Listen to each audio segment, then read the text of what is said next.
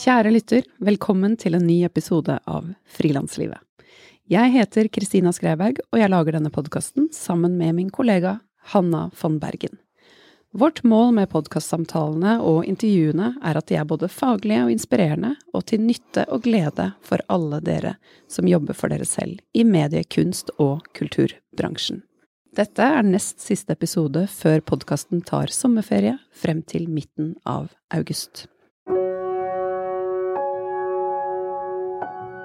Ukens annonsør er regnskapsprogrammet Fiken. Både Kristina og jeg har brukt Fiken i mange år, og det er fordi Fiken gjør det enkelt å føre regnskapet selv. I Fiken så kan jeg nemlig sende fakturaer, ta bilde av kvitteringer med Fiken-appen, jeg kan levere moms og næringsoppgaven, og jeg kan gjøre alt fra samme sted. Det gjør frilanslivet mitt lettere, rett og slett. Vil du prøve fiken gratis i 30 dager? Gå inn på fiken.no.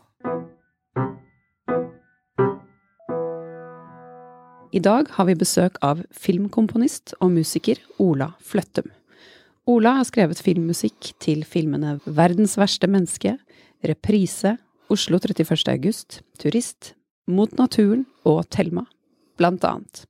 Han har vunnet en rekke priser for arbeidet sitt, for musikken til Thelma vant han både Kanonprisen 2017 og Amandaprisen 2018 i klassen Beste filmmusikk. Ola har i flere år spilt i band, først i Salvatore, som har vunnet Spellemannsprisen to ganger, og i over 25 år har han vært primusmotor for bandet The White Birch. Ola begynte å spille musikk etter å ha hoppet av X-Fill, og er selvlært musiker og komponist. Jeg gleder meg til å snakke med Ola om hvordan han jobber når han komponerer for film, om hans vei inn i bransjen, om hvordan han legger opp prosjektene sine, og ikke minst vil jeg gjerne høre om det over ti år lange samarbeidet med regissør Joakim Trier, og hvordan det har vært å være selvlært musiker og filmkomponist. Ola er straks 50 år, han bor i Son utenfor Oslo og har to barn. Velkommen, Ola! Tusen takk. Du, jeg har prøvd å spikre dette intervjuet i noen uker, hvor du har svart at du har sittet i en sånn jobbboble og jobbet mot en deadline. Og da lurer jeg på, hva har du jobbet med? Nei, jeg har jobbet med en Altså vanligvis så jeg, liker jeg å ha jobbet mest med å lage filmmusikk til spillefilmer, men nå har jeg kasta meg ut i TV-serieverdenen, da. For første gang? For første gang, eller egentlig andre gang. Jeg har gjort en Shakespeare-dokumentar på NRK for mange år siden, men det ja, men dette er liksom inn i TV-serieland for godt. Eller for Ikke for godt, men For godt for alltid. men, oi, oi. Nei, jeg har prøvd meg på TV-serie, og ja. Det er en Netflix-serie som heter Lørenskog-forsvinningen, og den uh, kommer til høsten. Hvor lenge har du holdt på med det? Ja, Det har jeg holdt på med i røftlig fem måneder, kanskje. Fulltid. Døgnet rundt, holdt jeg på å si. Nesten. Tar det over da veldig mye av hverdagslivet ditt når du går inn i et sånt prosjekt? Det var Jeg så en gang et intervju med en av de karene i ABBA som beskrev at de, var, de prøvde liksom å gå på jobb på dagen på, til om morgen og så avslutte arbeidsdagen sin. Det syns jeg var så et forlokkende intervju, da, fordi jeg har alltid drømt om på en måte normalisere det, det, det kreative livet mitt med å ikke være sånn skli ut og jobbe døgnet rundt og sånn. Så det har liksom vært malen som jeg har prøvd å leve etter og prøve å strukturere meg sånn at jeg kan liksom gå på jobb, gå hjem fra jobb. Du har prøvd? Mm. Prøvd, ja, men jeg har ikke lykkes, da. men det er i hvert fall ambisjonen min har vært å på en måte prøve å strukturere meg sånn at jeg holder ut i lang tid, da. For jeg tror jo på en måte at det er veldig fort gjort å brenne seg ut med å hele tiden følge den drivkraften man har å skape, og så kan man kanskje gå litt tom, jeg vet ikke. Men i praksis så har jeg jo egentlig jobba veldig mye, da. Ja, og i perioder så blir det jo gjerne sånn, men det å tenke at livet sitt er unntakstilstand hele tiden, hvor man hele tiden jobber døgnet rundt, det ja, funker sjelden i lengden. Ja, det har vært eh, egentlig ganske eh, en sånn torn i min side, det at jeg har jobba så mye i mange år. Så nå prøver jeg på en måte å virkelig alvor, gjøre alvor av det som jeg har, jeg har hatt som en ambisjon, da. Nå har vært flinkere til å faktisk uh, sette av tid til å gjøre egne ting og, og, konsentrere meg om andre ting i livet. Så det føles så bra akkurat nå. Det er jo en ambisjon som kolliderer litt med de folkene man jobber med. fordi når du er komponist Det er i hvert fall den delen i filmproduksjonen som er mest løsrevet tid, på en måte, hvis du skjønner. For du har ikke den Du er på en måte en Det er mange parallelle prosesser som foregår i postproduksjon, hvor jeg befinner meg mest. Så er det veldig mange som har disse studiotidene sine, ikke sant. De, er du klipper, er du lyder, lyder og, og grading og sånn, så har du et studio hvor du booker din tid, og det koster produksjonen x antall kroner per time, mens komponisten han, han skal bare skape det, og han kan gjøre det fritt for seg selv, ikke sant. Så jeg ender ofte opp med å på en måte strekke eh, tiden min mer enn kanskje mange av de andre prosessene. da. Og det er jo et valg jeg tar, for jeg vil jo, jeg når jeg jobber, så vil jeg at det skal bli så bra som det kan bli. Jeg går all in på det. Og Derfor så velger jeg de prosjektene jeg kan gå all in på. Da. Så det er jo Men da blir det på en måte Ja, så det har vært sånn 14 timers arbeidsdager. Kanskje litt, mer òg. I ganske lang tid. Hva gjør du eh, etter en sånn periode, da? Avspaserer du? Nei, jeg var jo ferdig nå på fredag. Da, da sitter jeg jo liksom og angster på de tingene som jeg ikke fikk brukt nok tid på. Så jeg sendte en melding til regissøren og Hvordan ble det, er det bra? Ja, vi får se på det. Ja, vi kan bare komme, vi kan bare ta en session til hvis det er noe mer, og jeg vil bare at det skal bli så bra som mulig, da. For det var jo et sånt sjokk, eller ikke sjokk, jeg var jo forberedt på det, men TV-serie er jo veldig mye mer eh, en summen av en, den kreative energien i en produksjon der får på en måte ikke helt forløst seg like mye i stor grad som en film. Fordi det er så press på tid. Det er hele tiden du må inngå kompromisser. Og jeg er ikke så komfortabel med å inngå kompromisser når jeg vet at det kan bli bedre. Så det føles liksom sånn Det er litt komplisert og på en måte Men jeg visste hva jeg gikk til, da. Så det er en slags mellomting mellom spillefilm og reklame, på en måte. Nå banner jeg kanskje kirka, men for det, jeg har gjort litt reklame, og da er på en måte, det er premisset at du skal være ferdig den dagen, og da gjør du alt du kan, og så det, legger du vekk den, og så har du ikke noen kunstnerisk ambisjon i forhold til det du gjør. Det er mer en pengejobb. Men jeg har jo kunstnerisk ambisjonen i det her, så det er litt sånn komplisert å inngå de kompromissene. Så du går nå og tenker på å, den biten kunne jeg kanskje gjort litt annerledes, eller dette ville jeg gjerne gjort litt bedre? Ja, det gjør jeg alltid. Altså, jeg sorterer under den typen Eller den, den jeg har, jeg har egenskapen at jeg alltid føler at jeg kunne gjort det bedre, at jeg kommer til å bli avslørt for at jeg ikke holder mål. På, når jeg sitter på premiere og sånn, så syns jeg det er utrolig ubehagelig å vri meg i stolen, og når folk sier at det er bra, så tror jeg på en måte at nei. Du bare sier det. ja, ikke sant. Jeg har jo ekstremt høye krav til meg selv, og jeg klarer nesten aldri å innfri de. Så det er jo ubehaget man står i som skapende, er jo, er jo der. Og jeg har alltid, fra tidlig av, så helt i begynnelsen jeg på en måte slapp til, da, og fikk en stemme og fikk eh, aksept for at jeg hadde noe å komme med, og ble, fikk liksom lov til å være en del av kulturbildet, så, så tenkte jeg liksom på disse folkene som jeg så opp til, som startet ofte karrieren sine bra, og så dalte det. Så jeg, helt fra første stund så hadde jeg angst for at når er det jeg kommer til å dale? Så den, den, den, det er blitt en slags sånn energi som jeg har brukt på hele tiden være redd for å ta vel for lett på ting, da. Og hele tiden prøve å tenke at ja, nå må jeg virkelig uh, levere. For å ikke fase ut og bli en av de som sitter og venter på jobb og ikke får lov til å være med, mer med på å skape noe. Ja, det er jo en eh, Det driver en jo hele tiden videre. Men hva gjør du for å eh, smøre selvfølelsen din og ja, gjøre at du tar ferie med god samvittighet, eller sover godt om natta? Altså, er det noen ting du gjør som hjelper? Ja, altså jeg, jeg, jeg elsker eksempel å gå all in på sjakksendinger. Altså, jeg finner ting som er, som er avkobling, altså. Det gjør jeg. Det er på en måte nødt til å kunne gjøre det. Og så har jeg jo lagt meg opp sånn at jeg nå jobber med filmmusikk. Det er jobben min, og så har jeg jo det som er hjertet mitt, som er eh, å lage plate med White Birch, da. Så det er også en slags sånn hobby, nesten. Selv om det har jo vært jobb, det òg. og er vel en slags jobb, men det er ikke pengene Det er ikke pengene jeg henter der, da.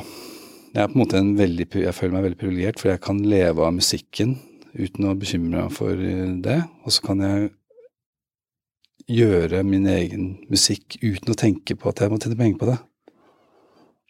Jeg trenger ikke å tenke at jeg skal selge. Jeg må bare føle at dette er 100 meg. Det er ekte. Og det er jo ekstremt heldig sånn sett, da. Ja, for slik jeg har forstått, så begynte du med å spille, eller være i band og være musiker, og så ble komponistjobbingen for film egentlig en måte å tjene penger på musikken på? Ja. ja for jeg gikk på en måte gradene i, i å være en artist som bygger meg opp Først spilte vi for 50 mennesker og på sånn i år, og så ga vi ut plater i Norge og syntes det var ganske frustrerende, fordi vi fikk ikke Jeg begynte Vipers 96, og vi spilte jo rundt omkring i de stedene vi kunne spille, og fikk elendige hyrer, og, og liksom vi gikk jo all in i det. Vi følte at vi eide materialet, og følte at det var liksom noe som hadde noe å komme med, da. Men vi klarte ikke å få noe publikum i Norge. Så på et eller annet tidspunkt så tenkte vi at vi hadde gitt ut to, to plater. Så den tredje plata, da fant vi at vi skulle lage en liste på de ti plateselskapene vi ville bli signa på, og sende til de først. Og da var jo det liksom tok fra platesamlinga vår disse, disse labelene er de kuleste, liksom. Og så sa vi til hverandre ja, nå må vi være litt tålmodige, da. For det kan jo ta litt tid, og sånn, og vi må stå litt i og vente på å få avslagene, på en måte, som vi var forberedt på. da. Så gikk det mindre enn en uke, så fikk vi svar fra det ene, Literals, da. Og da ville de gi ut, og vi bare sånn jøss. Yes. Og så, ja, var de musikkelskende folk som på en måte var innforstått med at vi ikke hadde lyst til å være et produkt, men, eh, men, men få lov til å formidle musikken vår på den neste ærlige måten vi ville formidle den på. Og da sa vi ja til det, og så fikk vi på en måte et navn i utlandet, og vi fikk reist rundt i Europa så mye vi ville, og hadde begrensning, da, for han ene i bandet, han hadde jo familie, og begge de to andre, vi var tre stykker, de to andre studerte jo, så det var jeg som gikk all in på musikk. Så vi hadde en sånn fortetta energi hvor vi bare gikk inn, og så var vi på en måte der ute som artister, og så trakk vi oss tilbake i vår lille hule og, og, skapte musikk. Så det var en veldig fin måte å være artist på. for Vi var helt ukjent i Norge og på en måte bare av og på, liksom. Du gikk ut, og så var du artist, og så dro du hjem igjen, og så var du usynlig. Trivdes veldig godt med det, da. Og hvordan, eh, hvordan havnet du inn i filmbransjen? Nei, det var jo på et tidspunkt hvor vi hadde på en måte gått gradene og, og begynte å reise rundt, og apparatet ble litt større. Vi fikk på en måte flere folk å lønne, da. Selv om vi genererte penger som artister, så, så gikk så det ble mer og mer en fulltidsgeskjeft, men uten at vi tjente penger. Så da tenkte jeg på et tidspunkt at nå må jeg snart begynne å tjene penger, og satte meg en sånn slags deadline på et par år hvor jeg tenkte at nå må jeg snart begynne å tjene penger på det her, og da fikk jeg jo da var så heldig at uh, Joakim og Eskil hadde fått høre den skiva som vi hadde gitt ut med Glitterhouse. Og med Vipert så følte jeg at dette var interessant, og la sin elsk på det, og så, så begynte jeg å kommunisere med de, og så begynte så første jeg gjorde, var jo avgangsfilmen til Eskil. I, han gikk jo på franske filmskolen, og Joachim Joakim gikk i, i, London. Så lagde jeg musikk til Les Étrangers, hans avgangsfilm. Og så ble det reprise som var min første ordentlige reise, da. Det var jo Jeg skjønte jo ikke da hvor heldig jeg var som fikk lov til å jobbe med noen som var så så på nett med det jeg står for, og, og, som kunne være en forlengelse, fri, kreativ forlengelse av det jeg tenkte var bra, da. Så reprise var din første film? Første spillefilm, ja. For en debut? Ja, det var veldig fint. Veldig, veldig fin reise også, fordi Joakim skjønte jo at jeg ikke visste hva filmmusikk var, så han, han uh, satte meg opp på høsten. Det skulle jo da ha racet sitt mot Cannes, ikke sant, så det var jo ganske tidlig jeg kom inn og fikk lov til å prøve og feile, og han var det ganske tilstedeværende i prosessen. Og, og jeg var på en måte gikk videre med min white perch-mentalitet om å virkelig vri og vende på alt, og brukte lang tid på musikken. Lot det modne og sånne ting som jeg liker å gjøre, da, som jeg prøver å fighte for når jeg jobber med nye folk nå. Og på en måte erkjenne at det kan ta lang tid å finne noe som er gull. Um, og da ble det en, en, en idealproduksjon, da. Fordi det, det, var så mye rom og tid til å prøve og feile, og ikke det jaget. Så senere så har jeg på en måte endt opp med å jobbe mye raskere, da. Fordi nå Det er jo et budsjettspørsmål også. Men hvor viktig tenker du at det var for deg at dere møtte hverandre, og at du fikk muligheten til å prøve deg frem og bruke tid og skape noe som var Ja, det var veldig viktig. Det er liksom den viktigste personen jeg har møtt for å være film, kunne få lov til å få vist meg på mine sterke sider som filmkomponist, da. Så hadde jeg liksom Helge Steen som jeg traff, som var viktig for meg som plateartist. Og det er de to personene som på en måte har åpna opp dørene for meg. Men var det, var det, penger i film? Altså ble det en løsning for deg? det ble det. Ja. ja. Det ble det. det jeg hadde jo levd jeg hadde jo levd hele 20 år, alle 20 årene med å være all in på musikk etter at jeg hoppa av fra akademikerkarrieren som jeg trodde jeg skulle forfølge. Uh, I Når var det? I 90 91 så begynte jeg jo og gikk all in på musikk. Og satt og jobba beinhardt uten å skjønne egentlig hvordan jeg kunne komme ut. Men jeg bare gikk all in på det og liksom var i min egen boble, og så trodde jeg aldri at jeg kunne bli en artist, for jeg hadde jo fullstendig angst for å snakke med mennesker og, stå på en scene, og det trodde jeg aldri jeg kunne tørre. Og nå har jeg jo spilt for 8000 mennesker, så det er helt absurd at jeg har endt opp med å bli en artist, tatt i betraktning at jeg var så redd for å stå foran folk og, og helt tatt Jeg husker på skolen og sånn, så skulle ha foredrag og sånn, så, så, jeg ble jo Jeg fikk helt panikk, så jeg påførte meg selv sykdom og, og skulka skolen, ikke sant, for jeg hadde så angst for det. Så det var virkelig beinhardt eh, komplisert for meg å forestille meg at jeg kunne tørre det. Så at jeg endte opp med å bli en artist og stå og spille for mange hundre mennesker og tusen mennesker, og det er jo veldig det, er det kan være interessant for folk å tenke at det er sikkert flere folk som er, ser på det som en sånn eh, redsel. Og det er jo på en måte Det som var løsningen for meg, var på en måte bare si til seg selv at det er ikke noe vits i. Det er ikke noe vits i å, å, å være redd lenger. For hvis du på en måte kan det du kan, eller vet hva du vil gjøre, og, og kjenner det godt, så du, finner du en trygghet i det. Og, og det var på en måte Så ble det helt naturlig for meg å gjøre det. Så forløsende. Ja, veldig.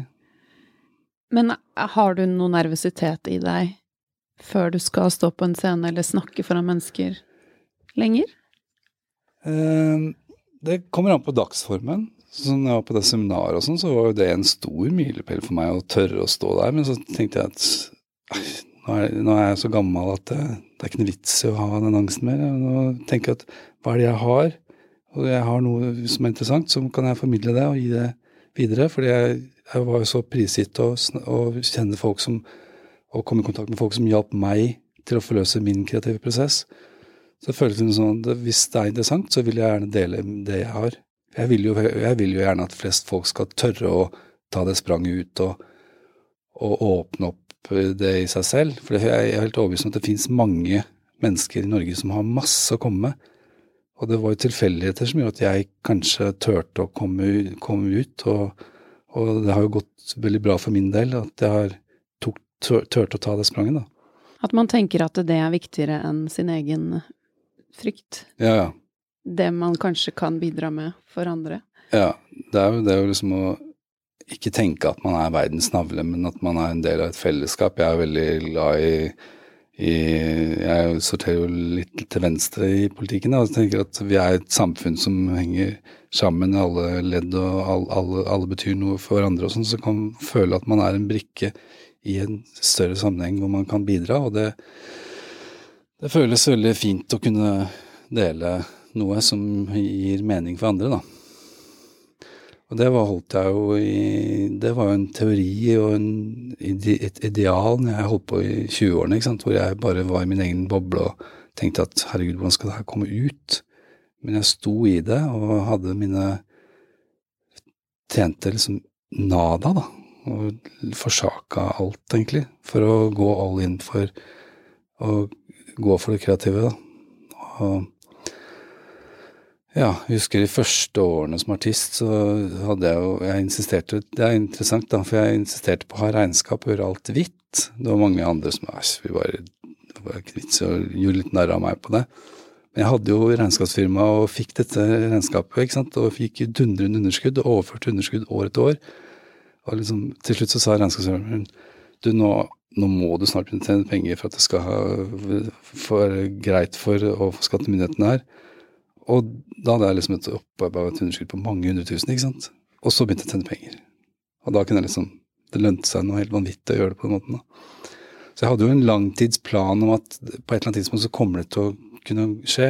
Jeg hadde veldig tro på Jeg hadde veldig tro på min egen kreativitet, at jeg kunne formidle et eller annet som ga noe for flere folk. Men det var mer det der å liksom forstå at hvordan skal man komme inn på en eller annen scene og bli en del av et bilde. For lenge så tenkte jeg at du må ha en utdannelse, det hadde jeg ikke.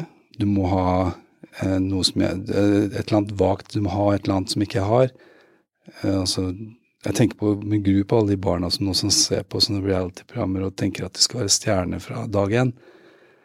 Så der tenker jeg, hvis du har barn og sånn, så la de forstå at det er mye bedre å finne ut ting i det små å utvikle seg selv, istedenfor å bli en oppblåst uh, gullkale som er uinteressant året etterpå.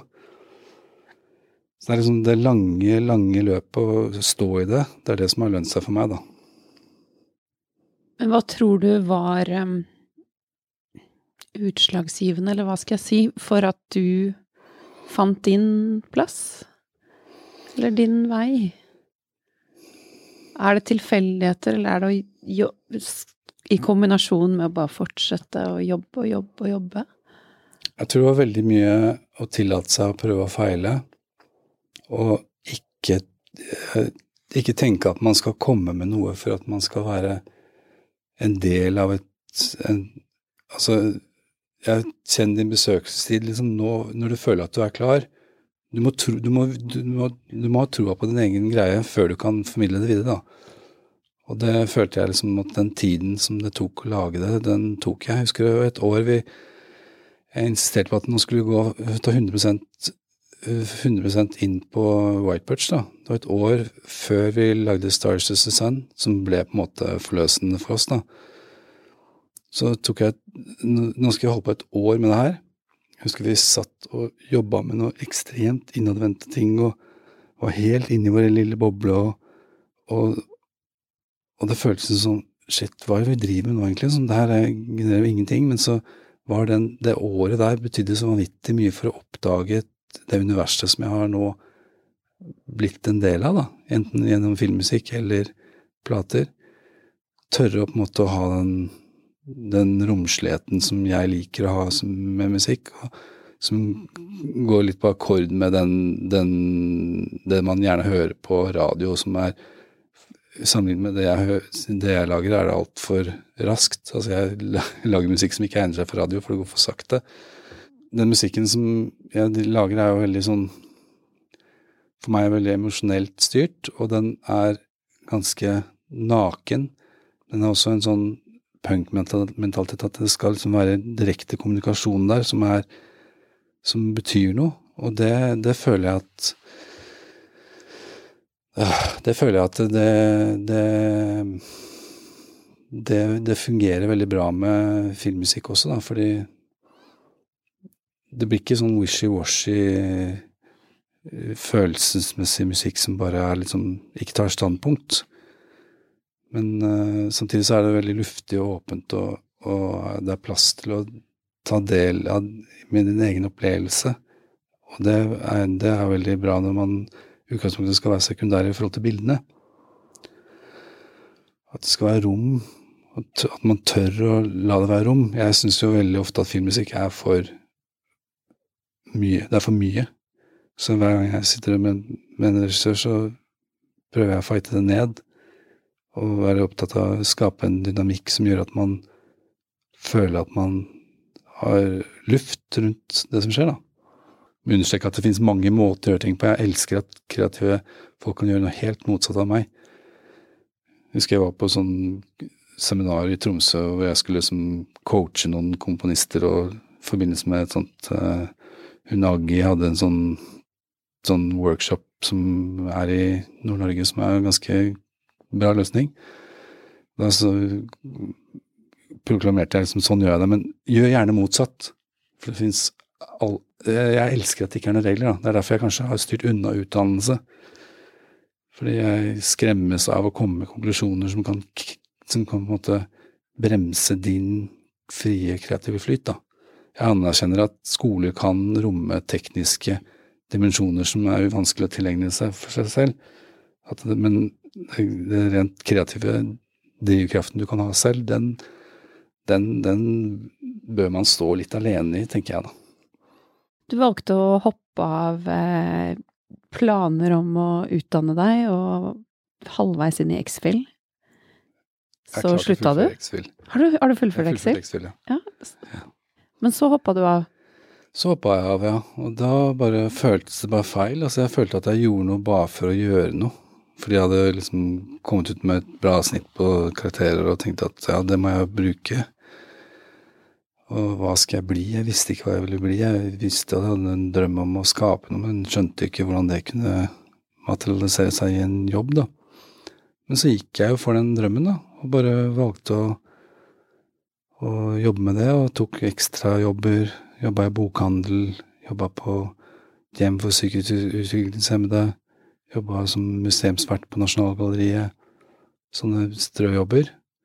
Mens jeg drev med dette med musikk, da.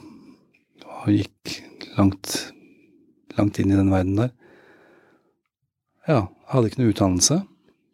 Jeg valgte ikke å utdanne meg, for jeg, jeg hadde jo min erfaring. Jeg gikk og tok pianotimer da jeg var åtte åtte-ni år, og, og, liksom Det er kanskje en, en, liten sorg at jeg slutta, men samtidig så vant jeg jo hele mitt uttrykk med å ikke kunne det tekniske, da.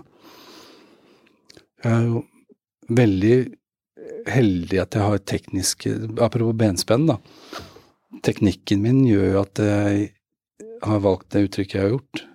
For jeg er ikke noe virtuos på noen som helst måte. Så jeg Den gode ideen må på en måte skinne gjennom, for jeg har ikke noe det er ikke noe virtuos som kan ta og blende deg.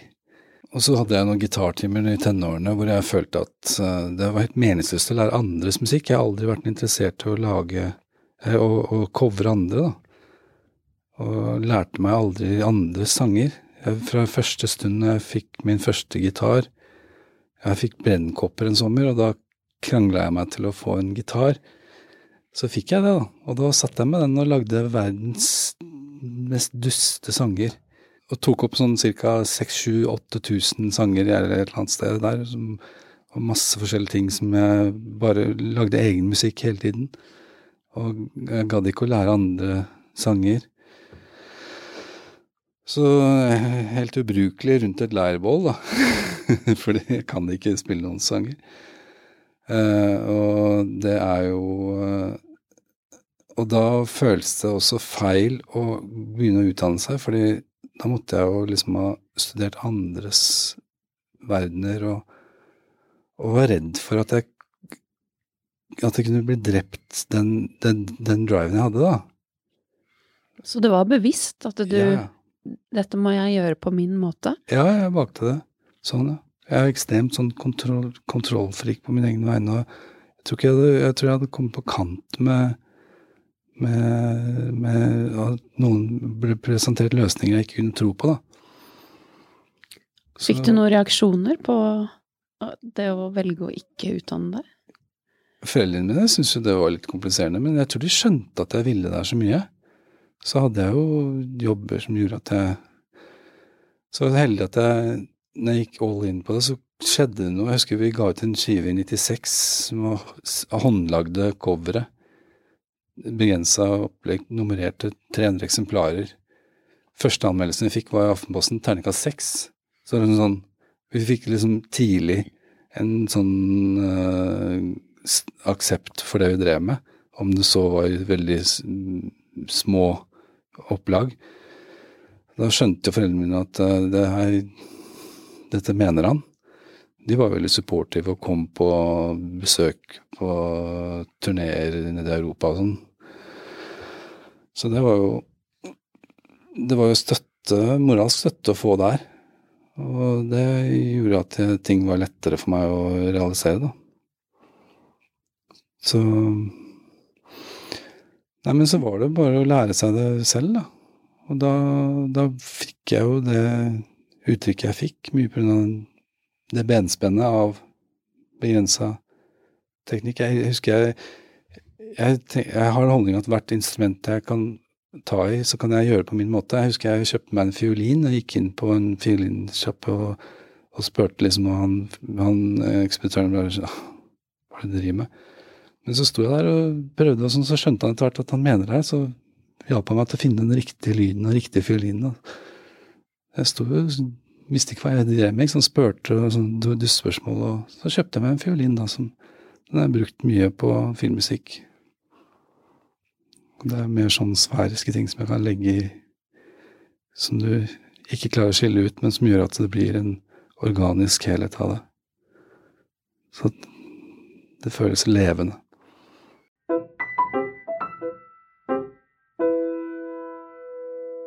Og det er også en ting jeg har tenkt på i forbindelse med musikk, fordi en gave som vi som kreative mennesker eh, har, da, at vi får en begrensning en, i form av teknikk. Fordi ofte så artister starter med et lite utgangspunkt, og de har ikke så mye utstyr, og de, de må på en måte Ideen må være sterk nok til å bryte gjennom. Og, og, og hvis de da bryter gjennom, så er det farlig at man ender opp med å få mange ressurser, da. Så det er liksom å få en platekontrakt til et stort selskap, og så skal du nå få lov til å gjøre alt, og så blir det ofte ikke like bra. Det er veldig ofte det skjer, da. Så det er på grunn av å hele tiden tenke på ikke ta av på det ytre aspektet med å være kreativ, det tekniske. Så jeg har alltid scala ting ned. Jeg har en veldig enkel rigg. Hvis de produsentene hadde sett, jeg har vært inne og sett i studioet mitt, så hadde de kanskje fått angst og tenkt at tør vi tør dette? Men det slipper de, da, for de kommer aldri dit. Men det er veldig mange av filmene dine så høres det ut som det er et helt orkester. En hel filharmoni. Så. Ja, det er jo min, min måte å jobbe på er jo Jeg elsker å legge lag på lag, og så bruke Det er jo Det slo meg her om dagen når vi satt og jobba på den Netflix-serien jeg nettopp har gjort, at uh, dette høres jo veldig enkelt ut. Tenkte jeg liksom, hvor mange spor tror du det er her, liksom? Vanlige folk kanskje tror det er kanskje fem, seks, sju spor, så var det sånn og, over 100 spor. Og det er så utrolig mange ting som spiller en bitte liten rolle, som gjør at eh, summen av det blir en, en kanskje rikere opplevelse. Og det så alt er laget hjemme hos deg med Alt er midi på den. Jeg vet ikke hva det er engang. Nei, altså sampling. Og sånn har det blitt. Det er også en litt sånn ting som sikkert mange filmkonvester reagerer på, at jeg gjør det, da. Men det har blitt sånn fordi jeg har endt opp med å få så Jeg måtte Altså, jeg begynte i, med reprise, så hadde jeg jo et budsjett som var veldig romslig, men så har på en måte prisen ikke gått så mye opp da, siden det. Så jeg endte opp med å jobbe mer, da, for å tjene mer penger og klare meg. Så da er det sånn veldig effektivt å ha det Og tiden har blitt mindre. Og det å spille inn Det blir liksom ikke så mye tid til det. Jeg skulle gjerne gjort det, men da krever man at man har lengre løp, da. Og har budsjettene til det. Så Jeg skjønner ikke hvordan folk har råd til det, men det er mulig jeg ikke får så mye som jeg kunne fått. Jeg vet ikke. Folk sier jo at jeg får bra betalt, så da stoler jeg på de, men, men i hvert fall Jeg bruker kun Og så liker jeg, altså er jeg kontrollfrik, så jeg liker ikke aspektet av å så Det finnes en del orkestre som man kan bruke. Jeg brukte det en gang på Thelma, det gikk jo fint, det. Men man vet jo ikke hvem man får. Man booker et orkester, så vet man ikke hvem som er på jobb den dagen. og det kan liksom Er det en skeiv en trompetist, så blir på en måte alt litt ute, da.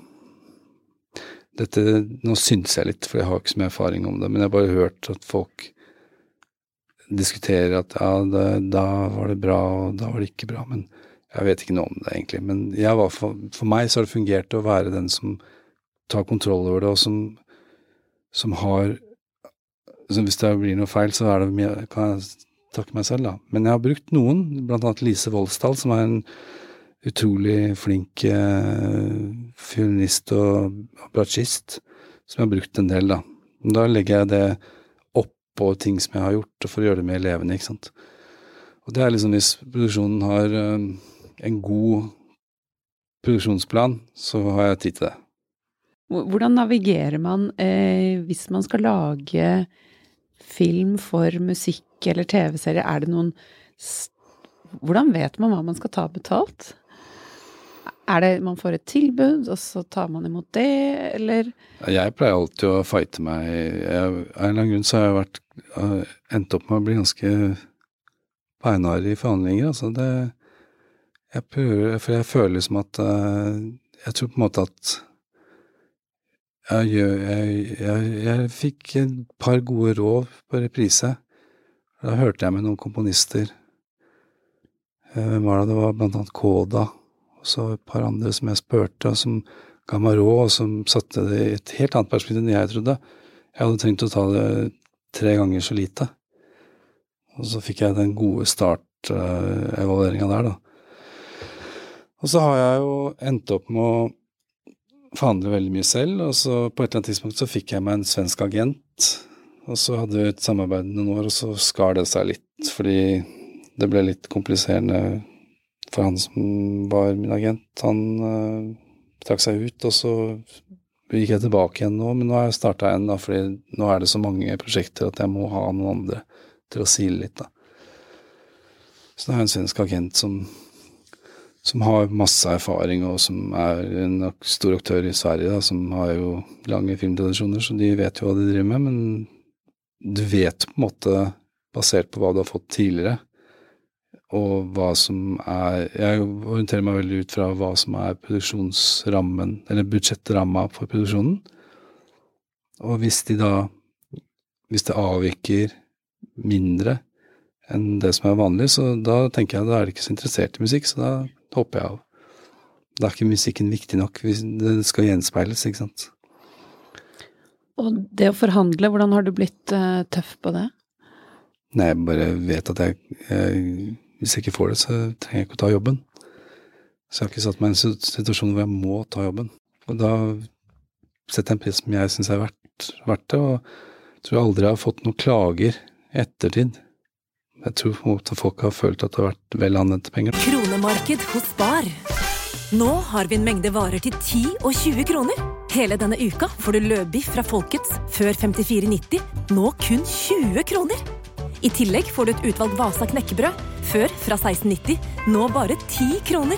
Alltid tilbud på noe godt. Hilsen oss i Spar.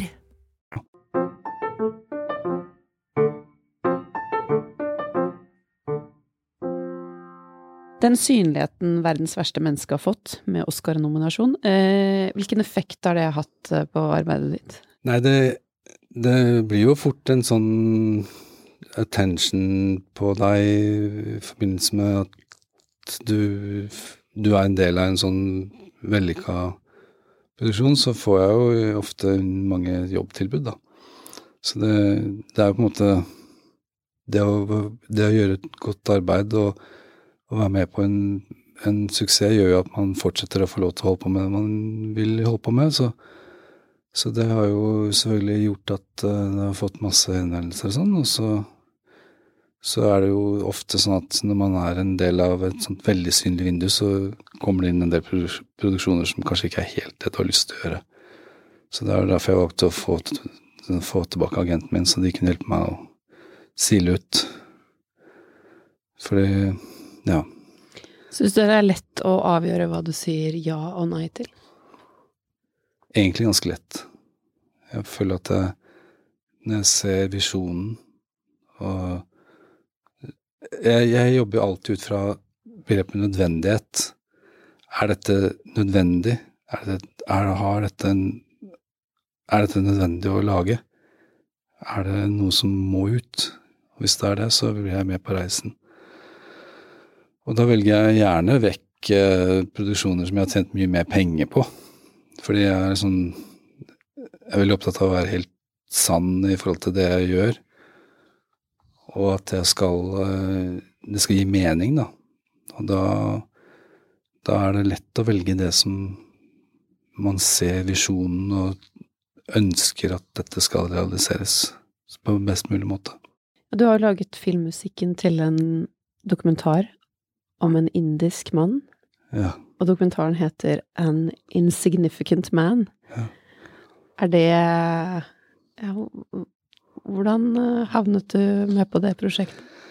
Det var en eh, Det var akkurat det jeg trengte der og da. Fordi det var jo en så fantastisk livsbejaende eh, reise å være med på.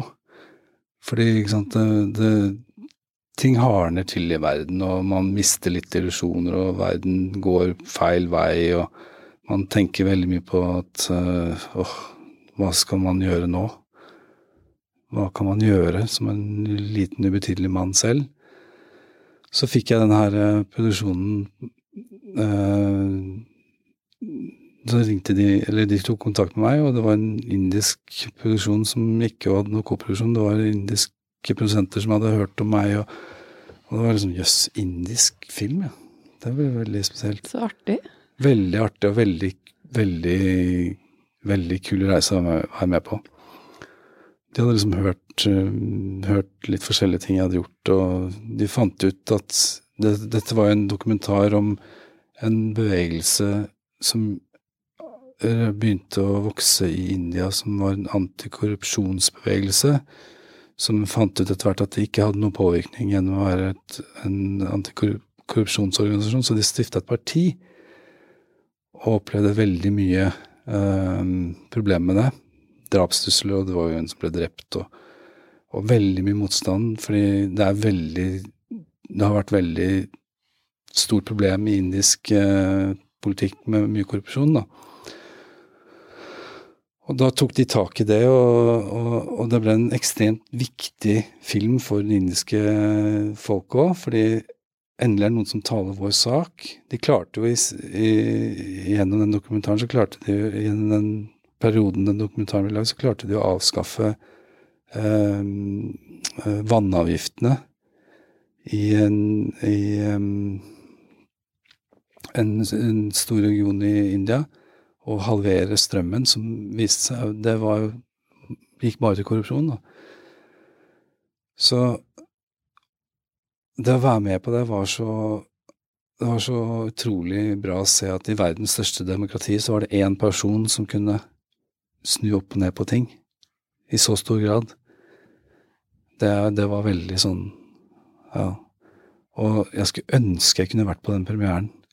For det var en helt ekstremt elektrisk stemning, og folk var så begeistra. For det var vanskelig å få satt den opp i, i India òg, fordi det ble jo forsøkt stoppet av sensur. og Så den gikk jo sin særsgang på festivaler rundt omkring i verden før den endelig kom hjem da, til India og fikk stående ovasjoner overalt, ikke sant. Så de har jo Det partiet har jo jeg lest Jeg måtte sjekke nå før jeg var på det NOPA-seminaret, før jeg, jeg, hadde lyst til å snakke om den, da. Så sjekka jeg at det, det, går jo De har jo klart å vinne en, en valg i en annen region i landet, og det, det er ting som tyder på at de kanskje kan gå til valg og bli regjeringsparti, ikke sant hele, hele, landet. Så det er jo en heftig, heftig eh, politisk omveltning i det landet som man som filmkomponist kunne være, være en del av. da. Jeg har aldri fått så mye fanmail som etter den filmen der. Fantastisk. Gjør du også oppdrag som du ikke synliggjør noe sted? Eller som vi, vi ikke får med oss? For du har jo gjort mange, opp, altså mange ting som er veldig synlige, men tar du også eksempel kommersielle oppdrag? Ja, jeg har gjort noen øh, Jeg har gjort noe Jeg har gjort sånn British Airways og, og Volvo-reklamer, som er sånn pengejobber, da. Børskatedral. Ja, det er jo akkurat det, at man gjerne velger da den indiske dokumentaren, men man tar også en ja, Volvo-reklame. Ja, det er jo sånn rett og slett Det ene er- betaler for det andre, Ja, det er jo helt vanvittige summer som er i omløp. ikke sant? Jeg gjorde en British Airways-kampanje i USA, og da på en måte Du bare jobber i to uker, så får du masse penger, og så går det år etter år, og så kommer det inn en sånn julebonus som er bare helt sånn Det er latterlig. Så det, det, det har jeg ikke noe skrupler for å gjøre, så lenge det er avklart, og så lenge det ikke er um, altfor moralsk forkastelig. Kan du si at det er forkastelig å reklamere for fly, da, men Men, men. Og bil. Fly og bil. Jeg har jo ikke bil selv, så Men eh, så muliggjør det kanskje at du kan være med på demokratikampen i Ja. India. Ja, ikke sant. Det er jo det. Det er veldig fint å gjøre dokumentarer, fordi det er på en måte en sånn virkelighetssjekk for meg. Fordi når man gjør fiksjon og sånn, så er man jo gjerne med på en Der man føler man seg en del som en rik, privilegert eh, vestlig kultur som kan uh, selvrealisere seg selv. Og jeg elsker jo det så lenge det er preget av nødvendighet. Men så er det veldig fint å komme i kontakt med virkeligheten og gjøre dokumentarer. Som det står noe mye på spill for enkeltskjebner, og så kan man få fortalt dems historie. Så det er veldig en fin vekselsvirkning mellom de to verdenene, da. Når var det du begynte å jobbe etter prinsippet nødvendighet? Det var kanskje i slutten av 80-tallet. altså, det føltes bare sånn Ja, det har bare vært sånn at eh, Ja. Jeg har jo ikke så mye til overs for underholdning. Underholdning kan være gøy, men det syns jeg har en ekstremt stor eh, plass i samfunnet. Jeg syns det er på en måte altfor lite av det som utfordrer deg, og Jeg klarer jo ikke å lese aviser lenger, fordi jeg føler at det blir bare slår imot meg alt som er så lett og Ja. Og så har jeg hatt store problemer med TV-serieverden, fordi det føles som at det er ikke så mye som virkelig prøver noe annet enn å fortelle noe. Jeg syns det har blitt bedre de siste årene, da.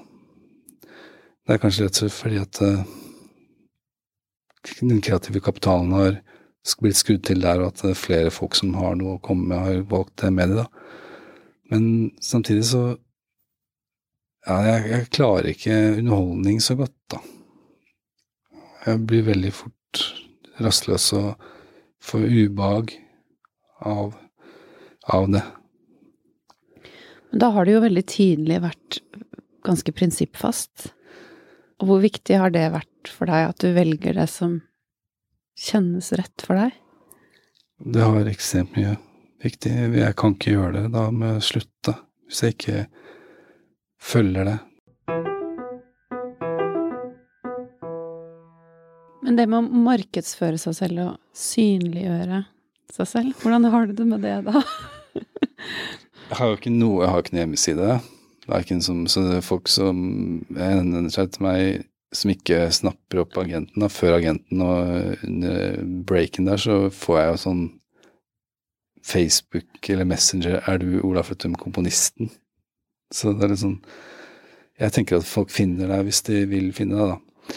Og så har jeg jo ikke noe sånn altså Det er jo helt latterlig lite markedsføring av eh, Altså, jeg, jeg vet jo om mange folk som jobber med Facebook-kampanjer og alt mulig sånn. Det er ikke noe for meg, altså. Jeg hadde én kampanje som jeg prøvde. Jeg prøvde det her en sin tid. Jeg visste ikke hva jeg drev med, og så ble det en ganske fin eh, historie av det. Fordi jeg skulle velge en sånn markedsfører, en sånn en eller annen sånn slipp på plata. Så gjorde jeg det. Så skulle man velge soner. Så valgte jeg ja, USA, det er et marked. Det er Tyskland og mange land i Europa. Jeg tok, tok med Tyrkia. og Facebook da tar jo liksom selvfølgelig å vektlegge Tyrkia veldig stort, for det er ingen andre som velger Tyrkia, så da kan de bruke plassen, pengene der. Så det ble en sånn kjempestor kampanje i Tyrkia, og det førte jo til at Tyrkia er et av de viktigste landene for White Perch. Jeg fikk masse fans i Tyrkia, da. og de, jeg tror nesten de følte at følte sånn Jøss, yes, det er den vestlige banden som markedsfører seg mot oss. Jeg vet da søren, men det ble veldig sånn veldig hyggelige, hyggelig respons. Og veldig sånn mye respons fra Tyrkia. Det er jo mange som har kvaler rundt det å markedsføre seg selv, da, eller og arbeidet sitt. Men uh, en uh, bekjent hadde en annen uh, holdning rundt det, og mente at det, det er veldig egoistisk om man ikke gjør det. For da, hvis man ikke gjør det, så ville eksempel disse menneskene i Tyrkia mistet den muligheten og fått glede av Det er et godt poeng.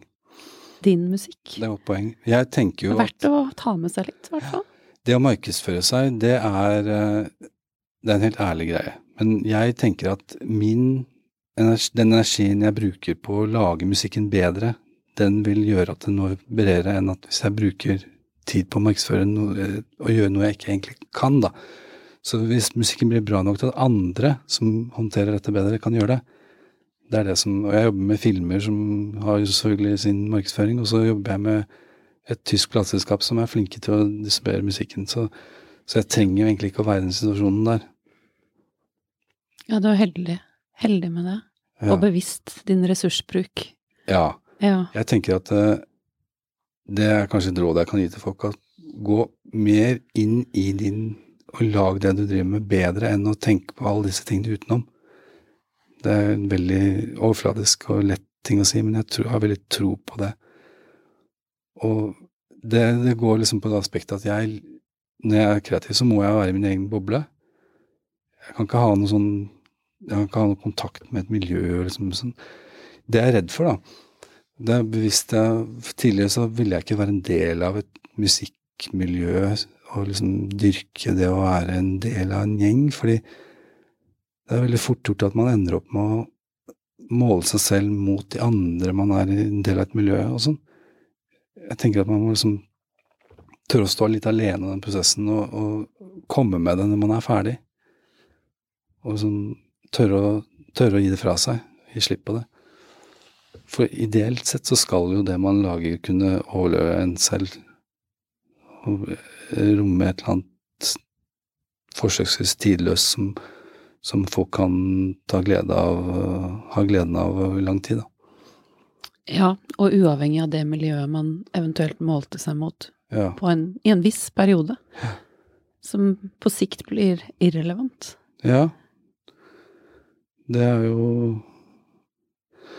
Ja, for eksempel, det er jo Miljøer kommer og går, og strømninger og trender kommer og går, men du må liksom tørre å stå for det som fungerer for deg, og ikke nødvendigvis følge det som er gjengs akkurat der og da. Det tror jeg det har jeg veldig tro på. Du må tro, du må, komme innenfra, som alt annet her i livet. Og det kommer jo innenfra fordi det kommer innenfra, ikke fordi du finner det hos andre. Tusen, tusen takk for at du kom, Ola. Takk for at jeg fikk komme. Kjempefint å prate med deg. Takk i like måte. Denne episoden er laget med tilskudd fra NOPA, Norsk forening for komponister og tekstforfattere. Og seminaret som Ola Fløttum nevner eh, et par ganger i intervjuet, det er NOPA-seminaret, som arrangeres hvert år for medlemmer av NOPA, hvor man kan komme og lære, bli kjent med hverandre og få masse faglig påfyll og fellesskap. Sjekk det ut. nopa.no.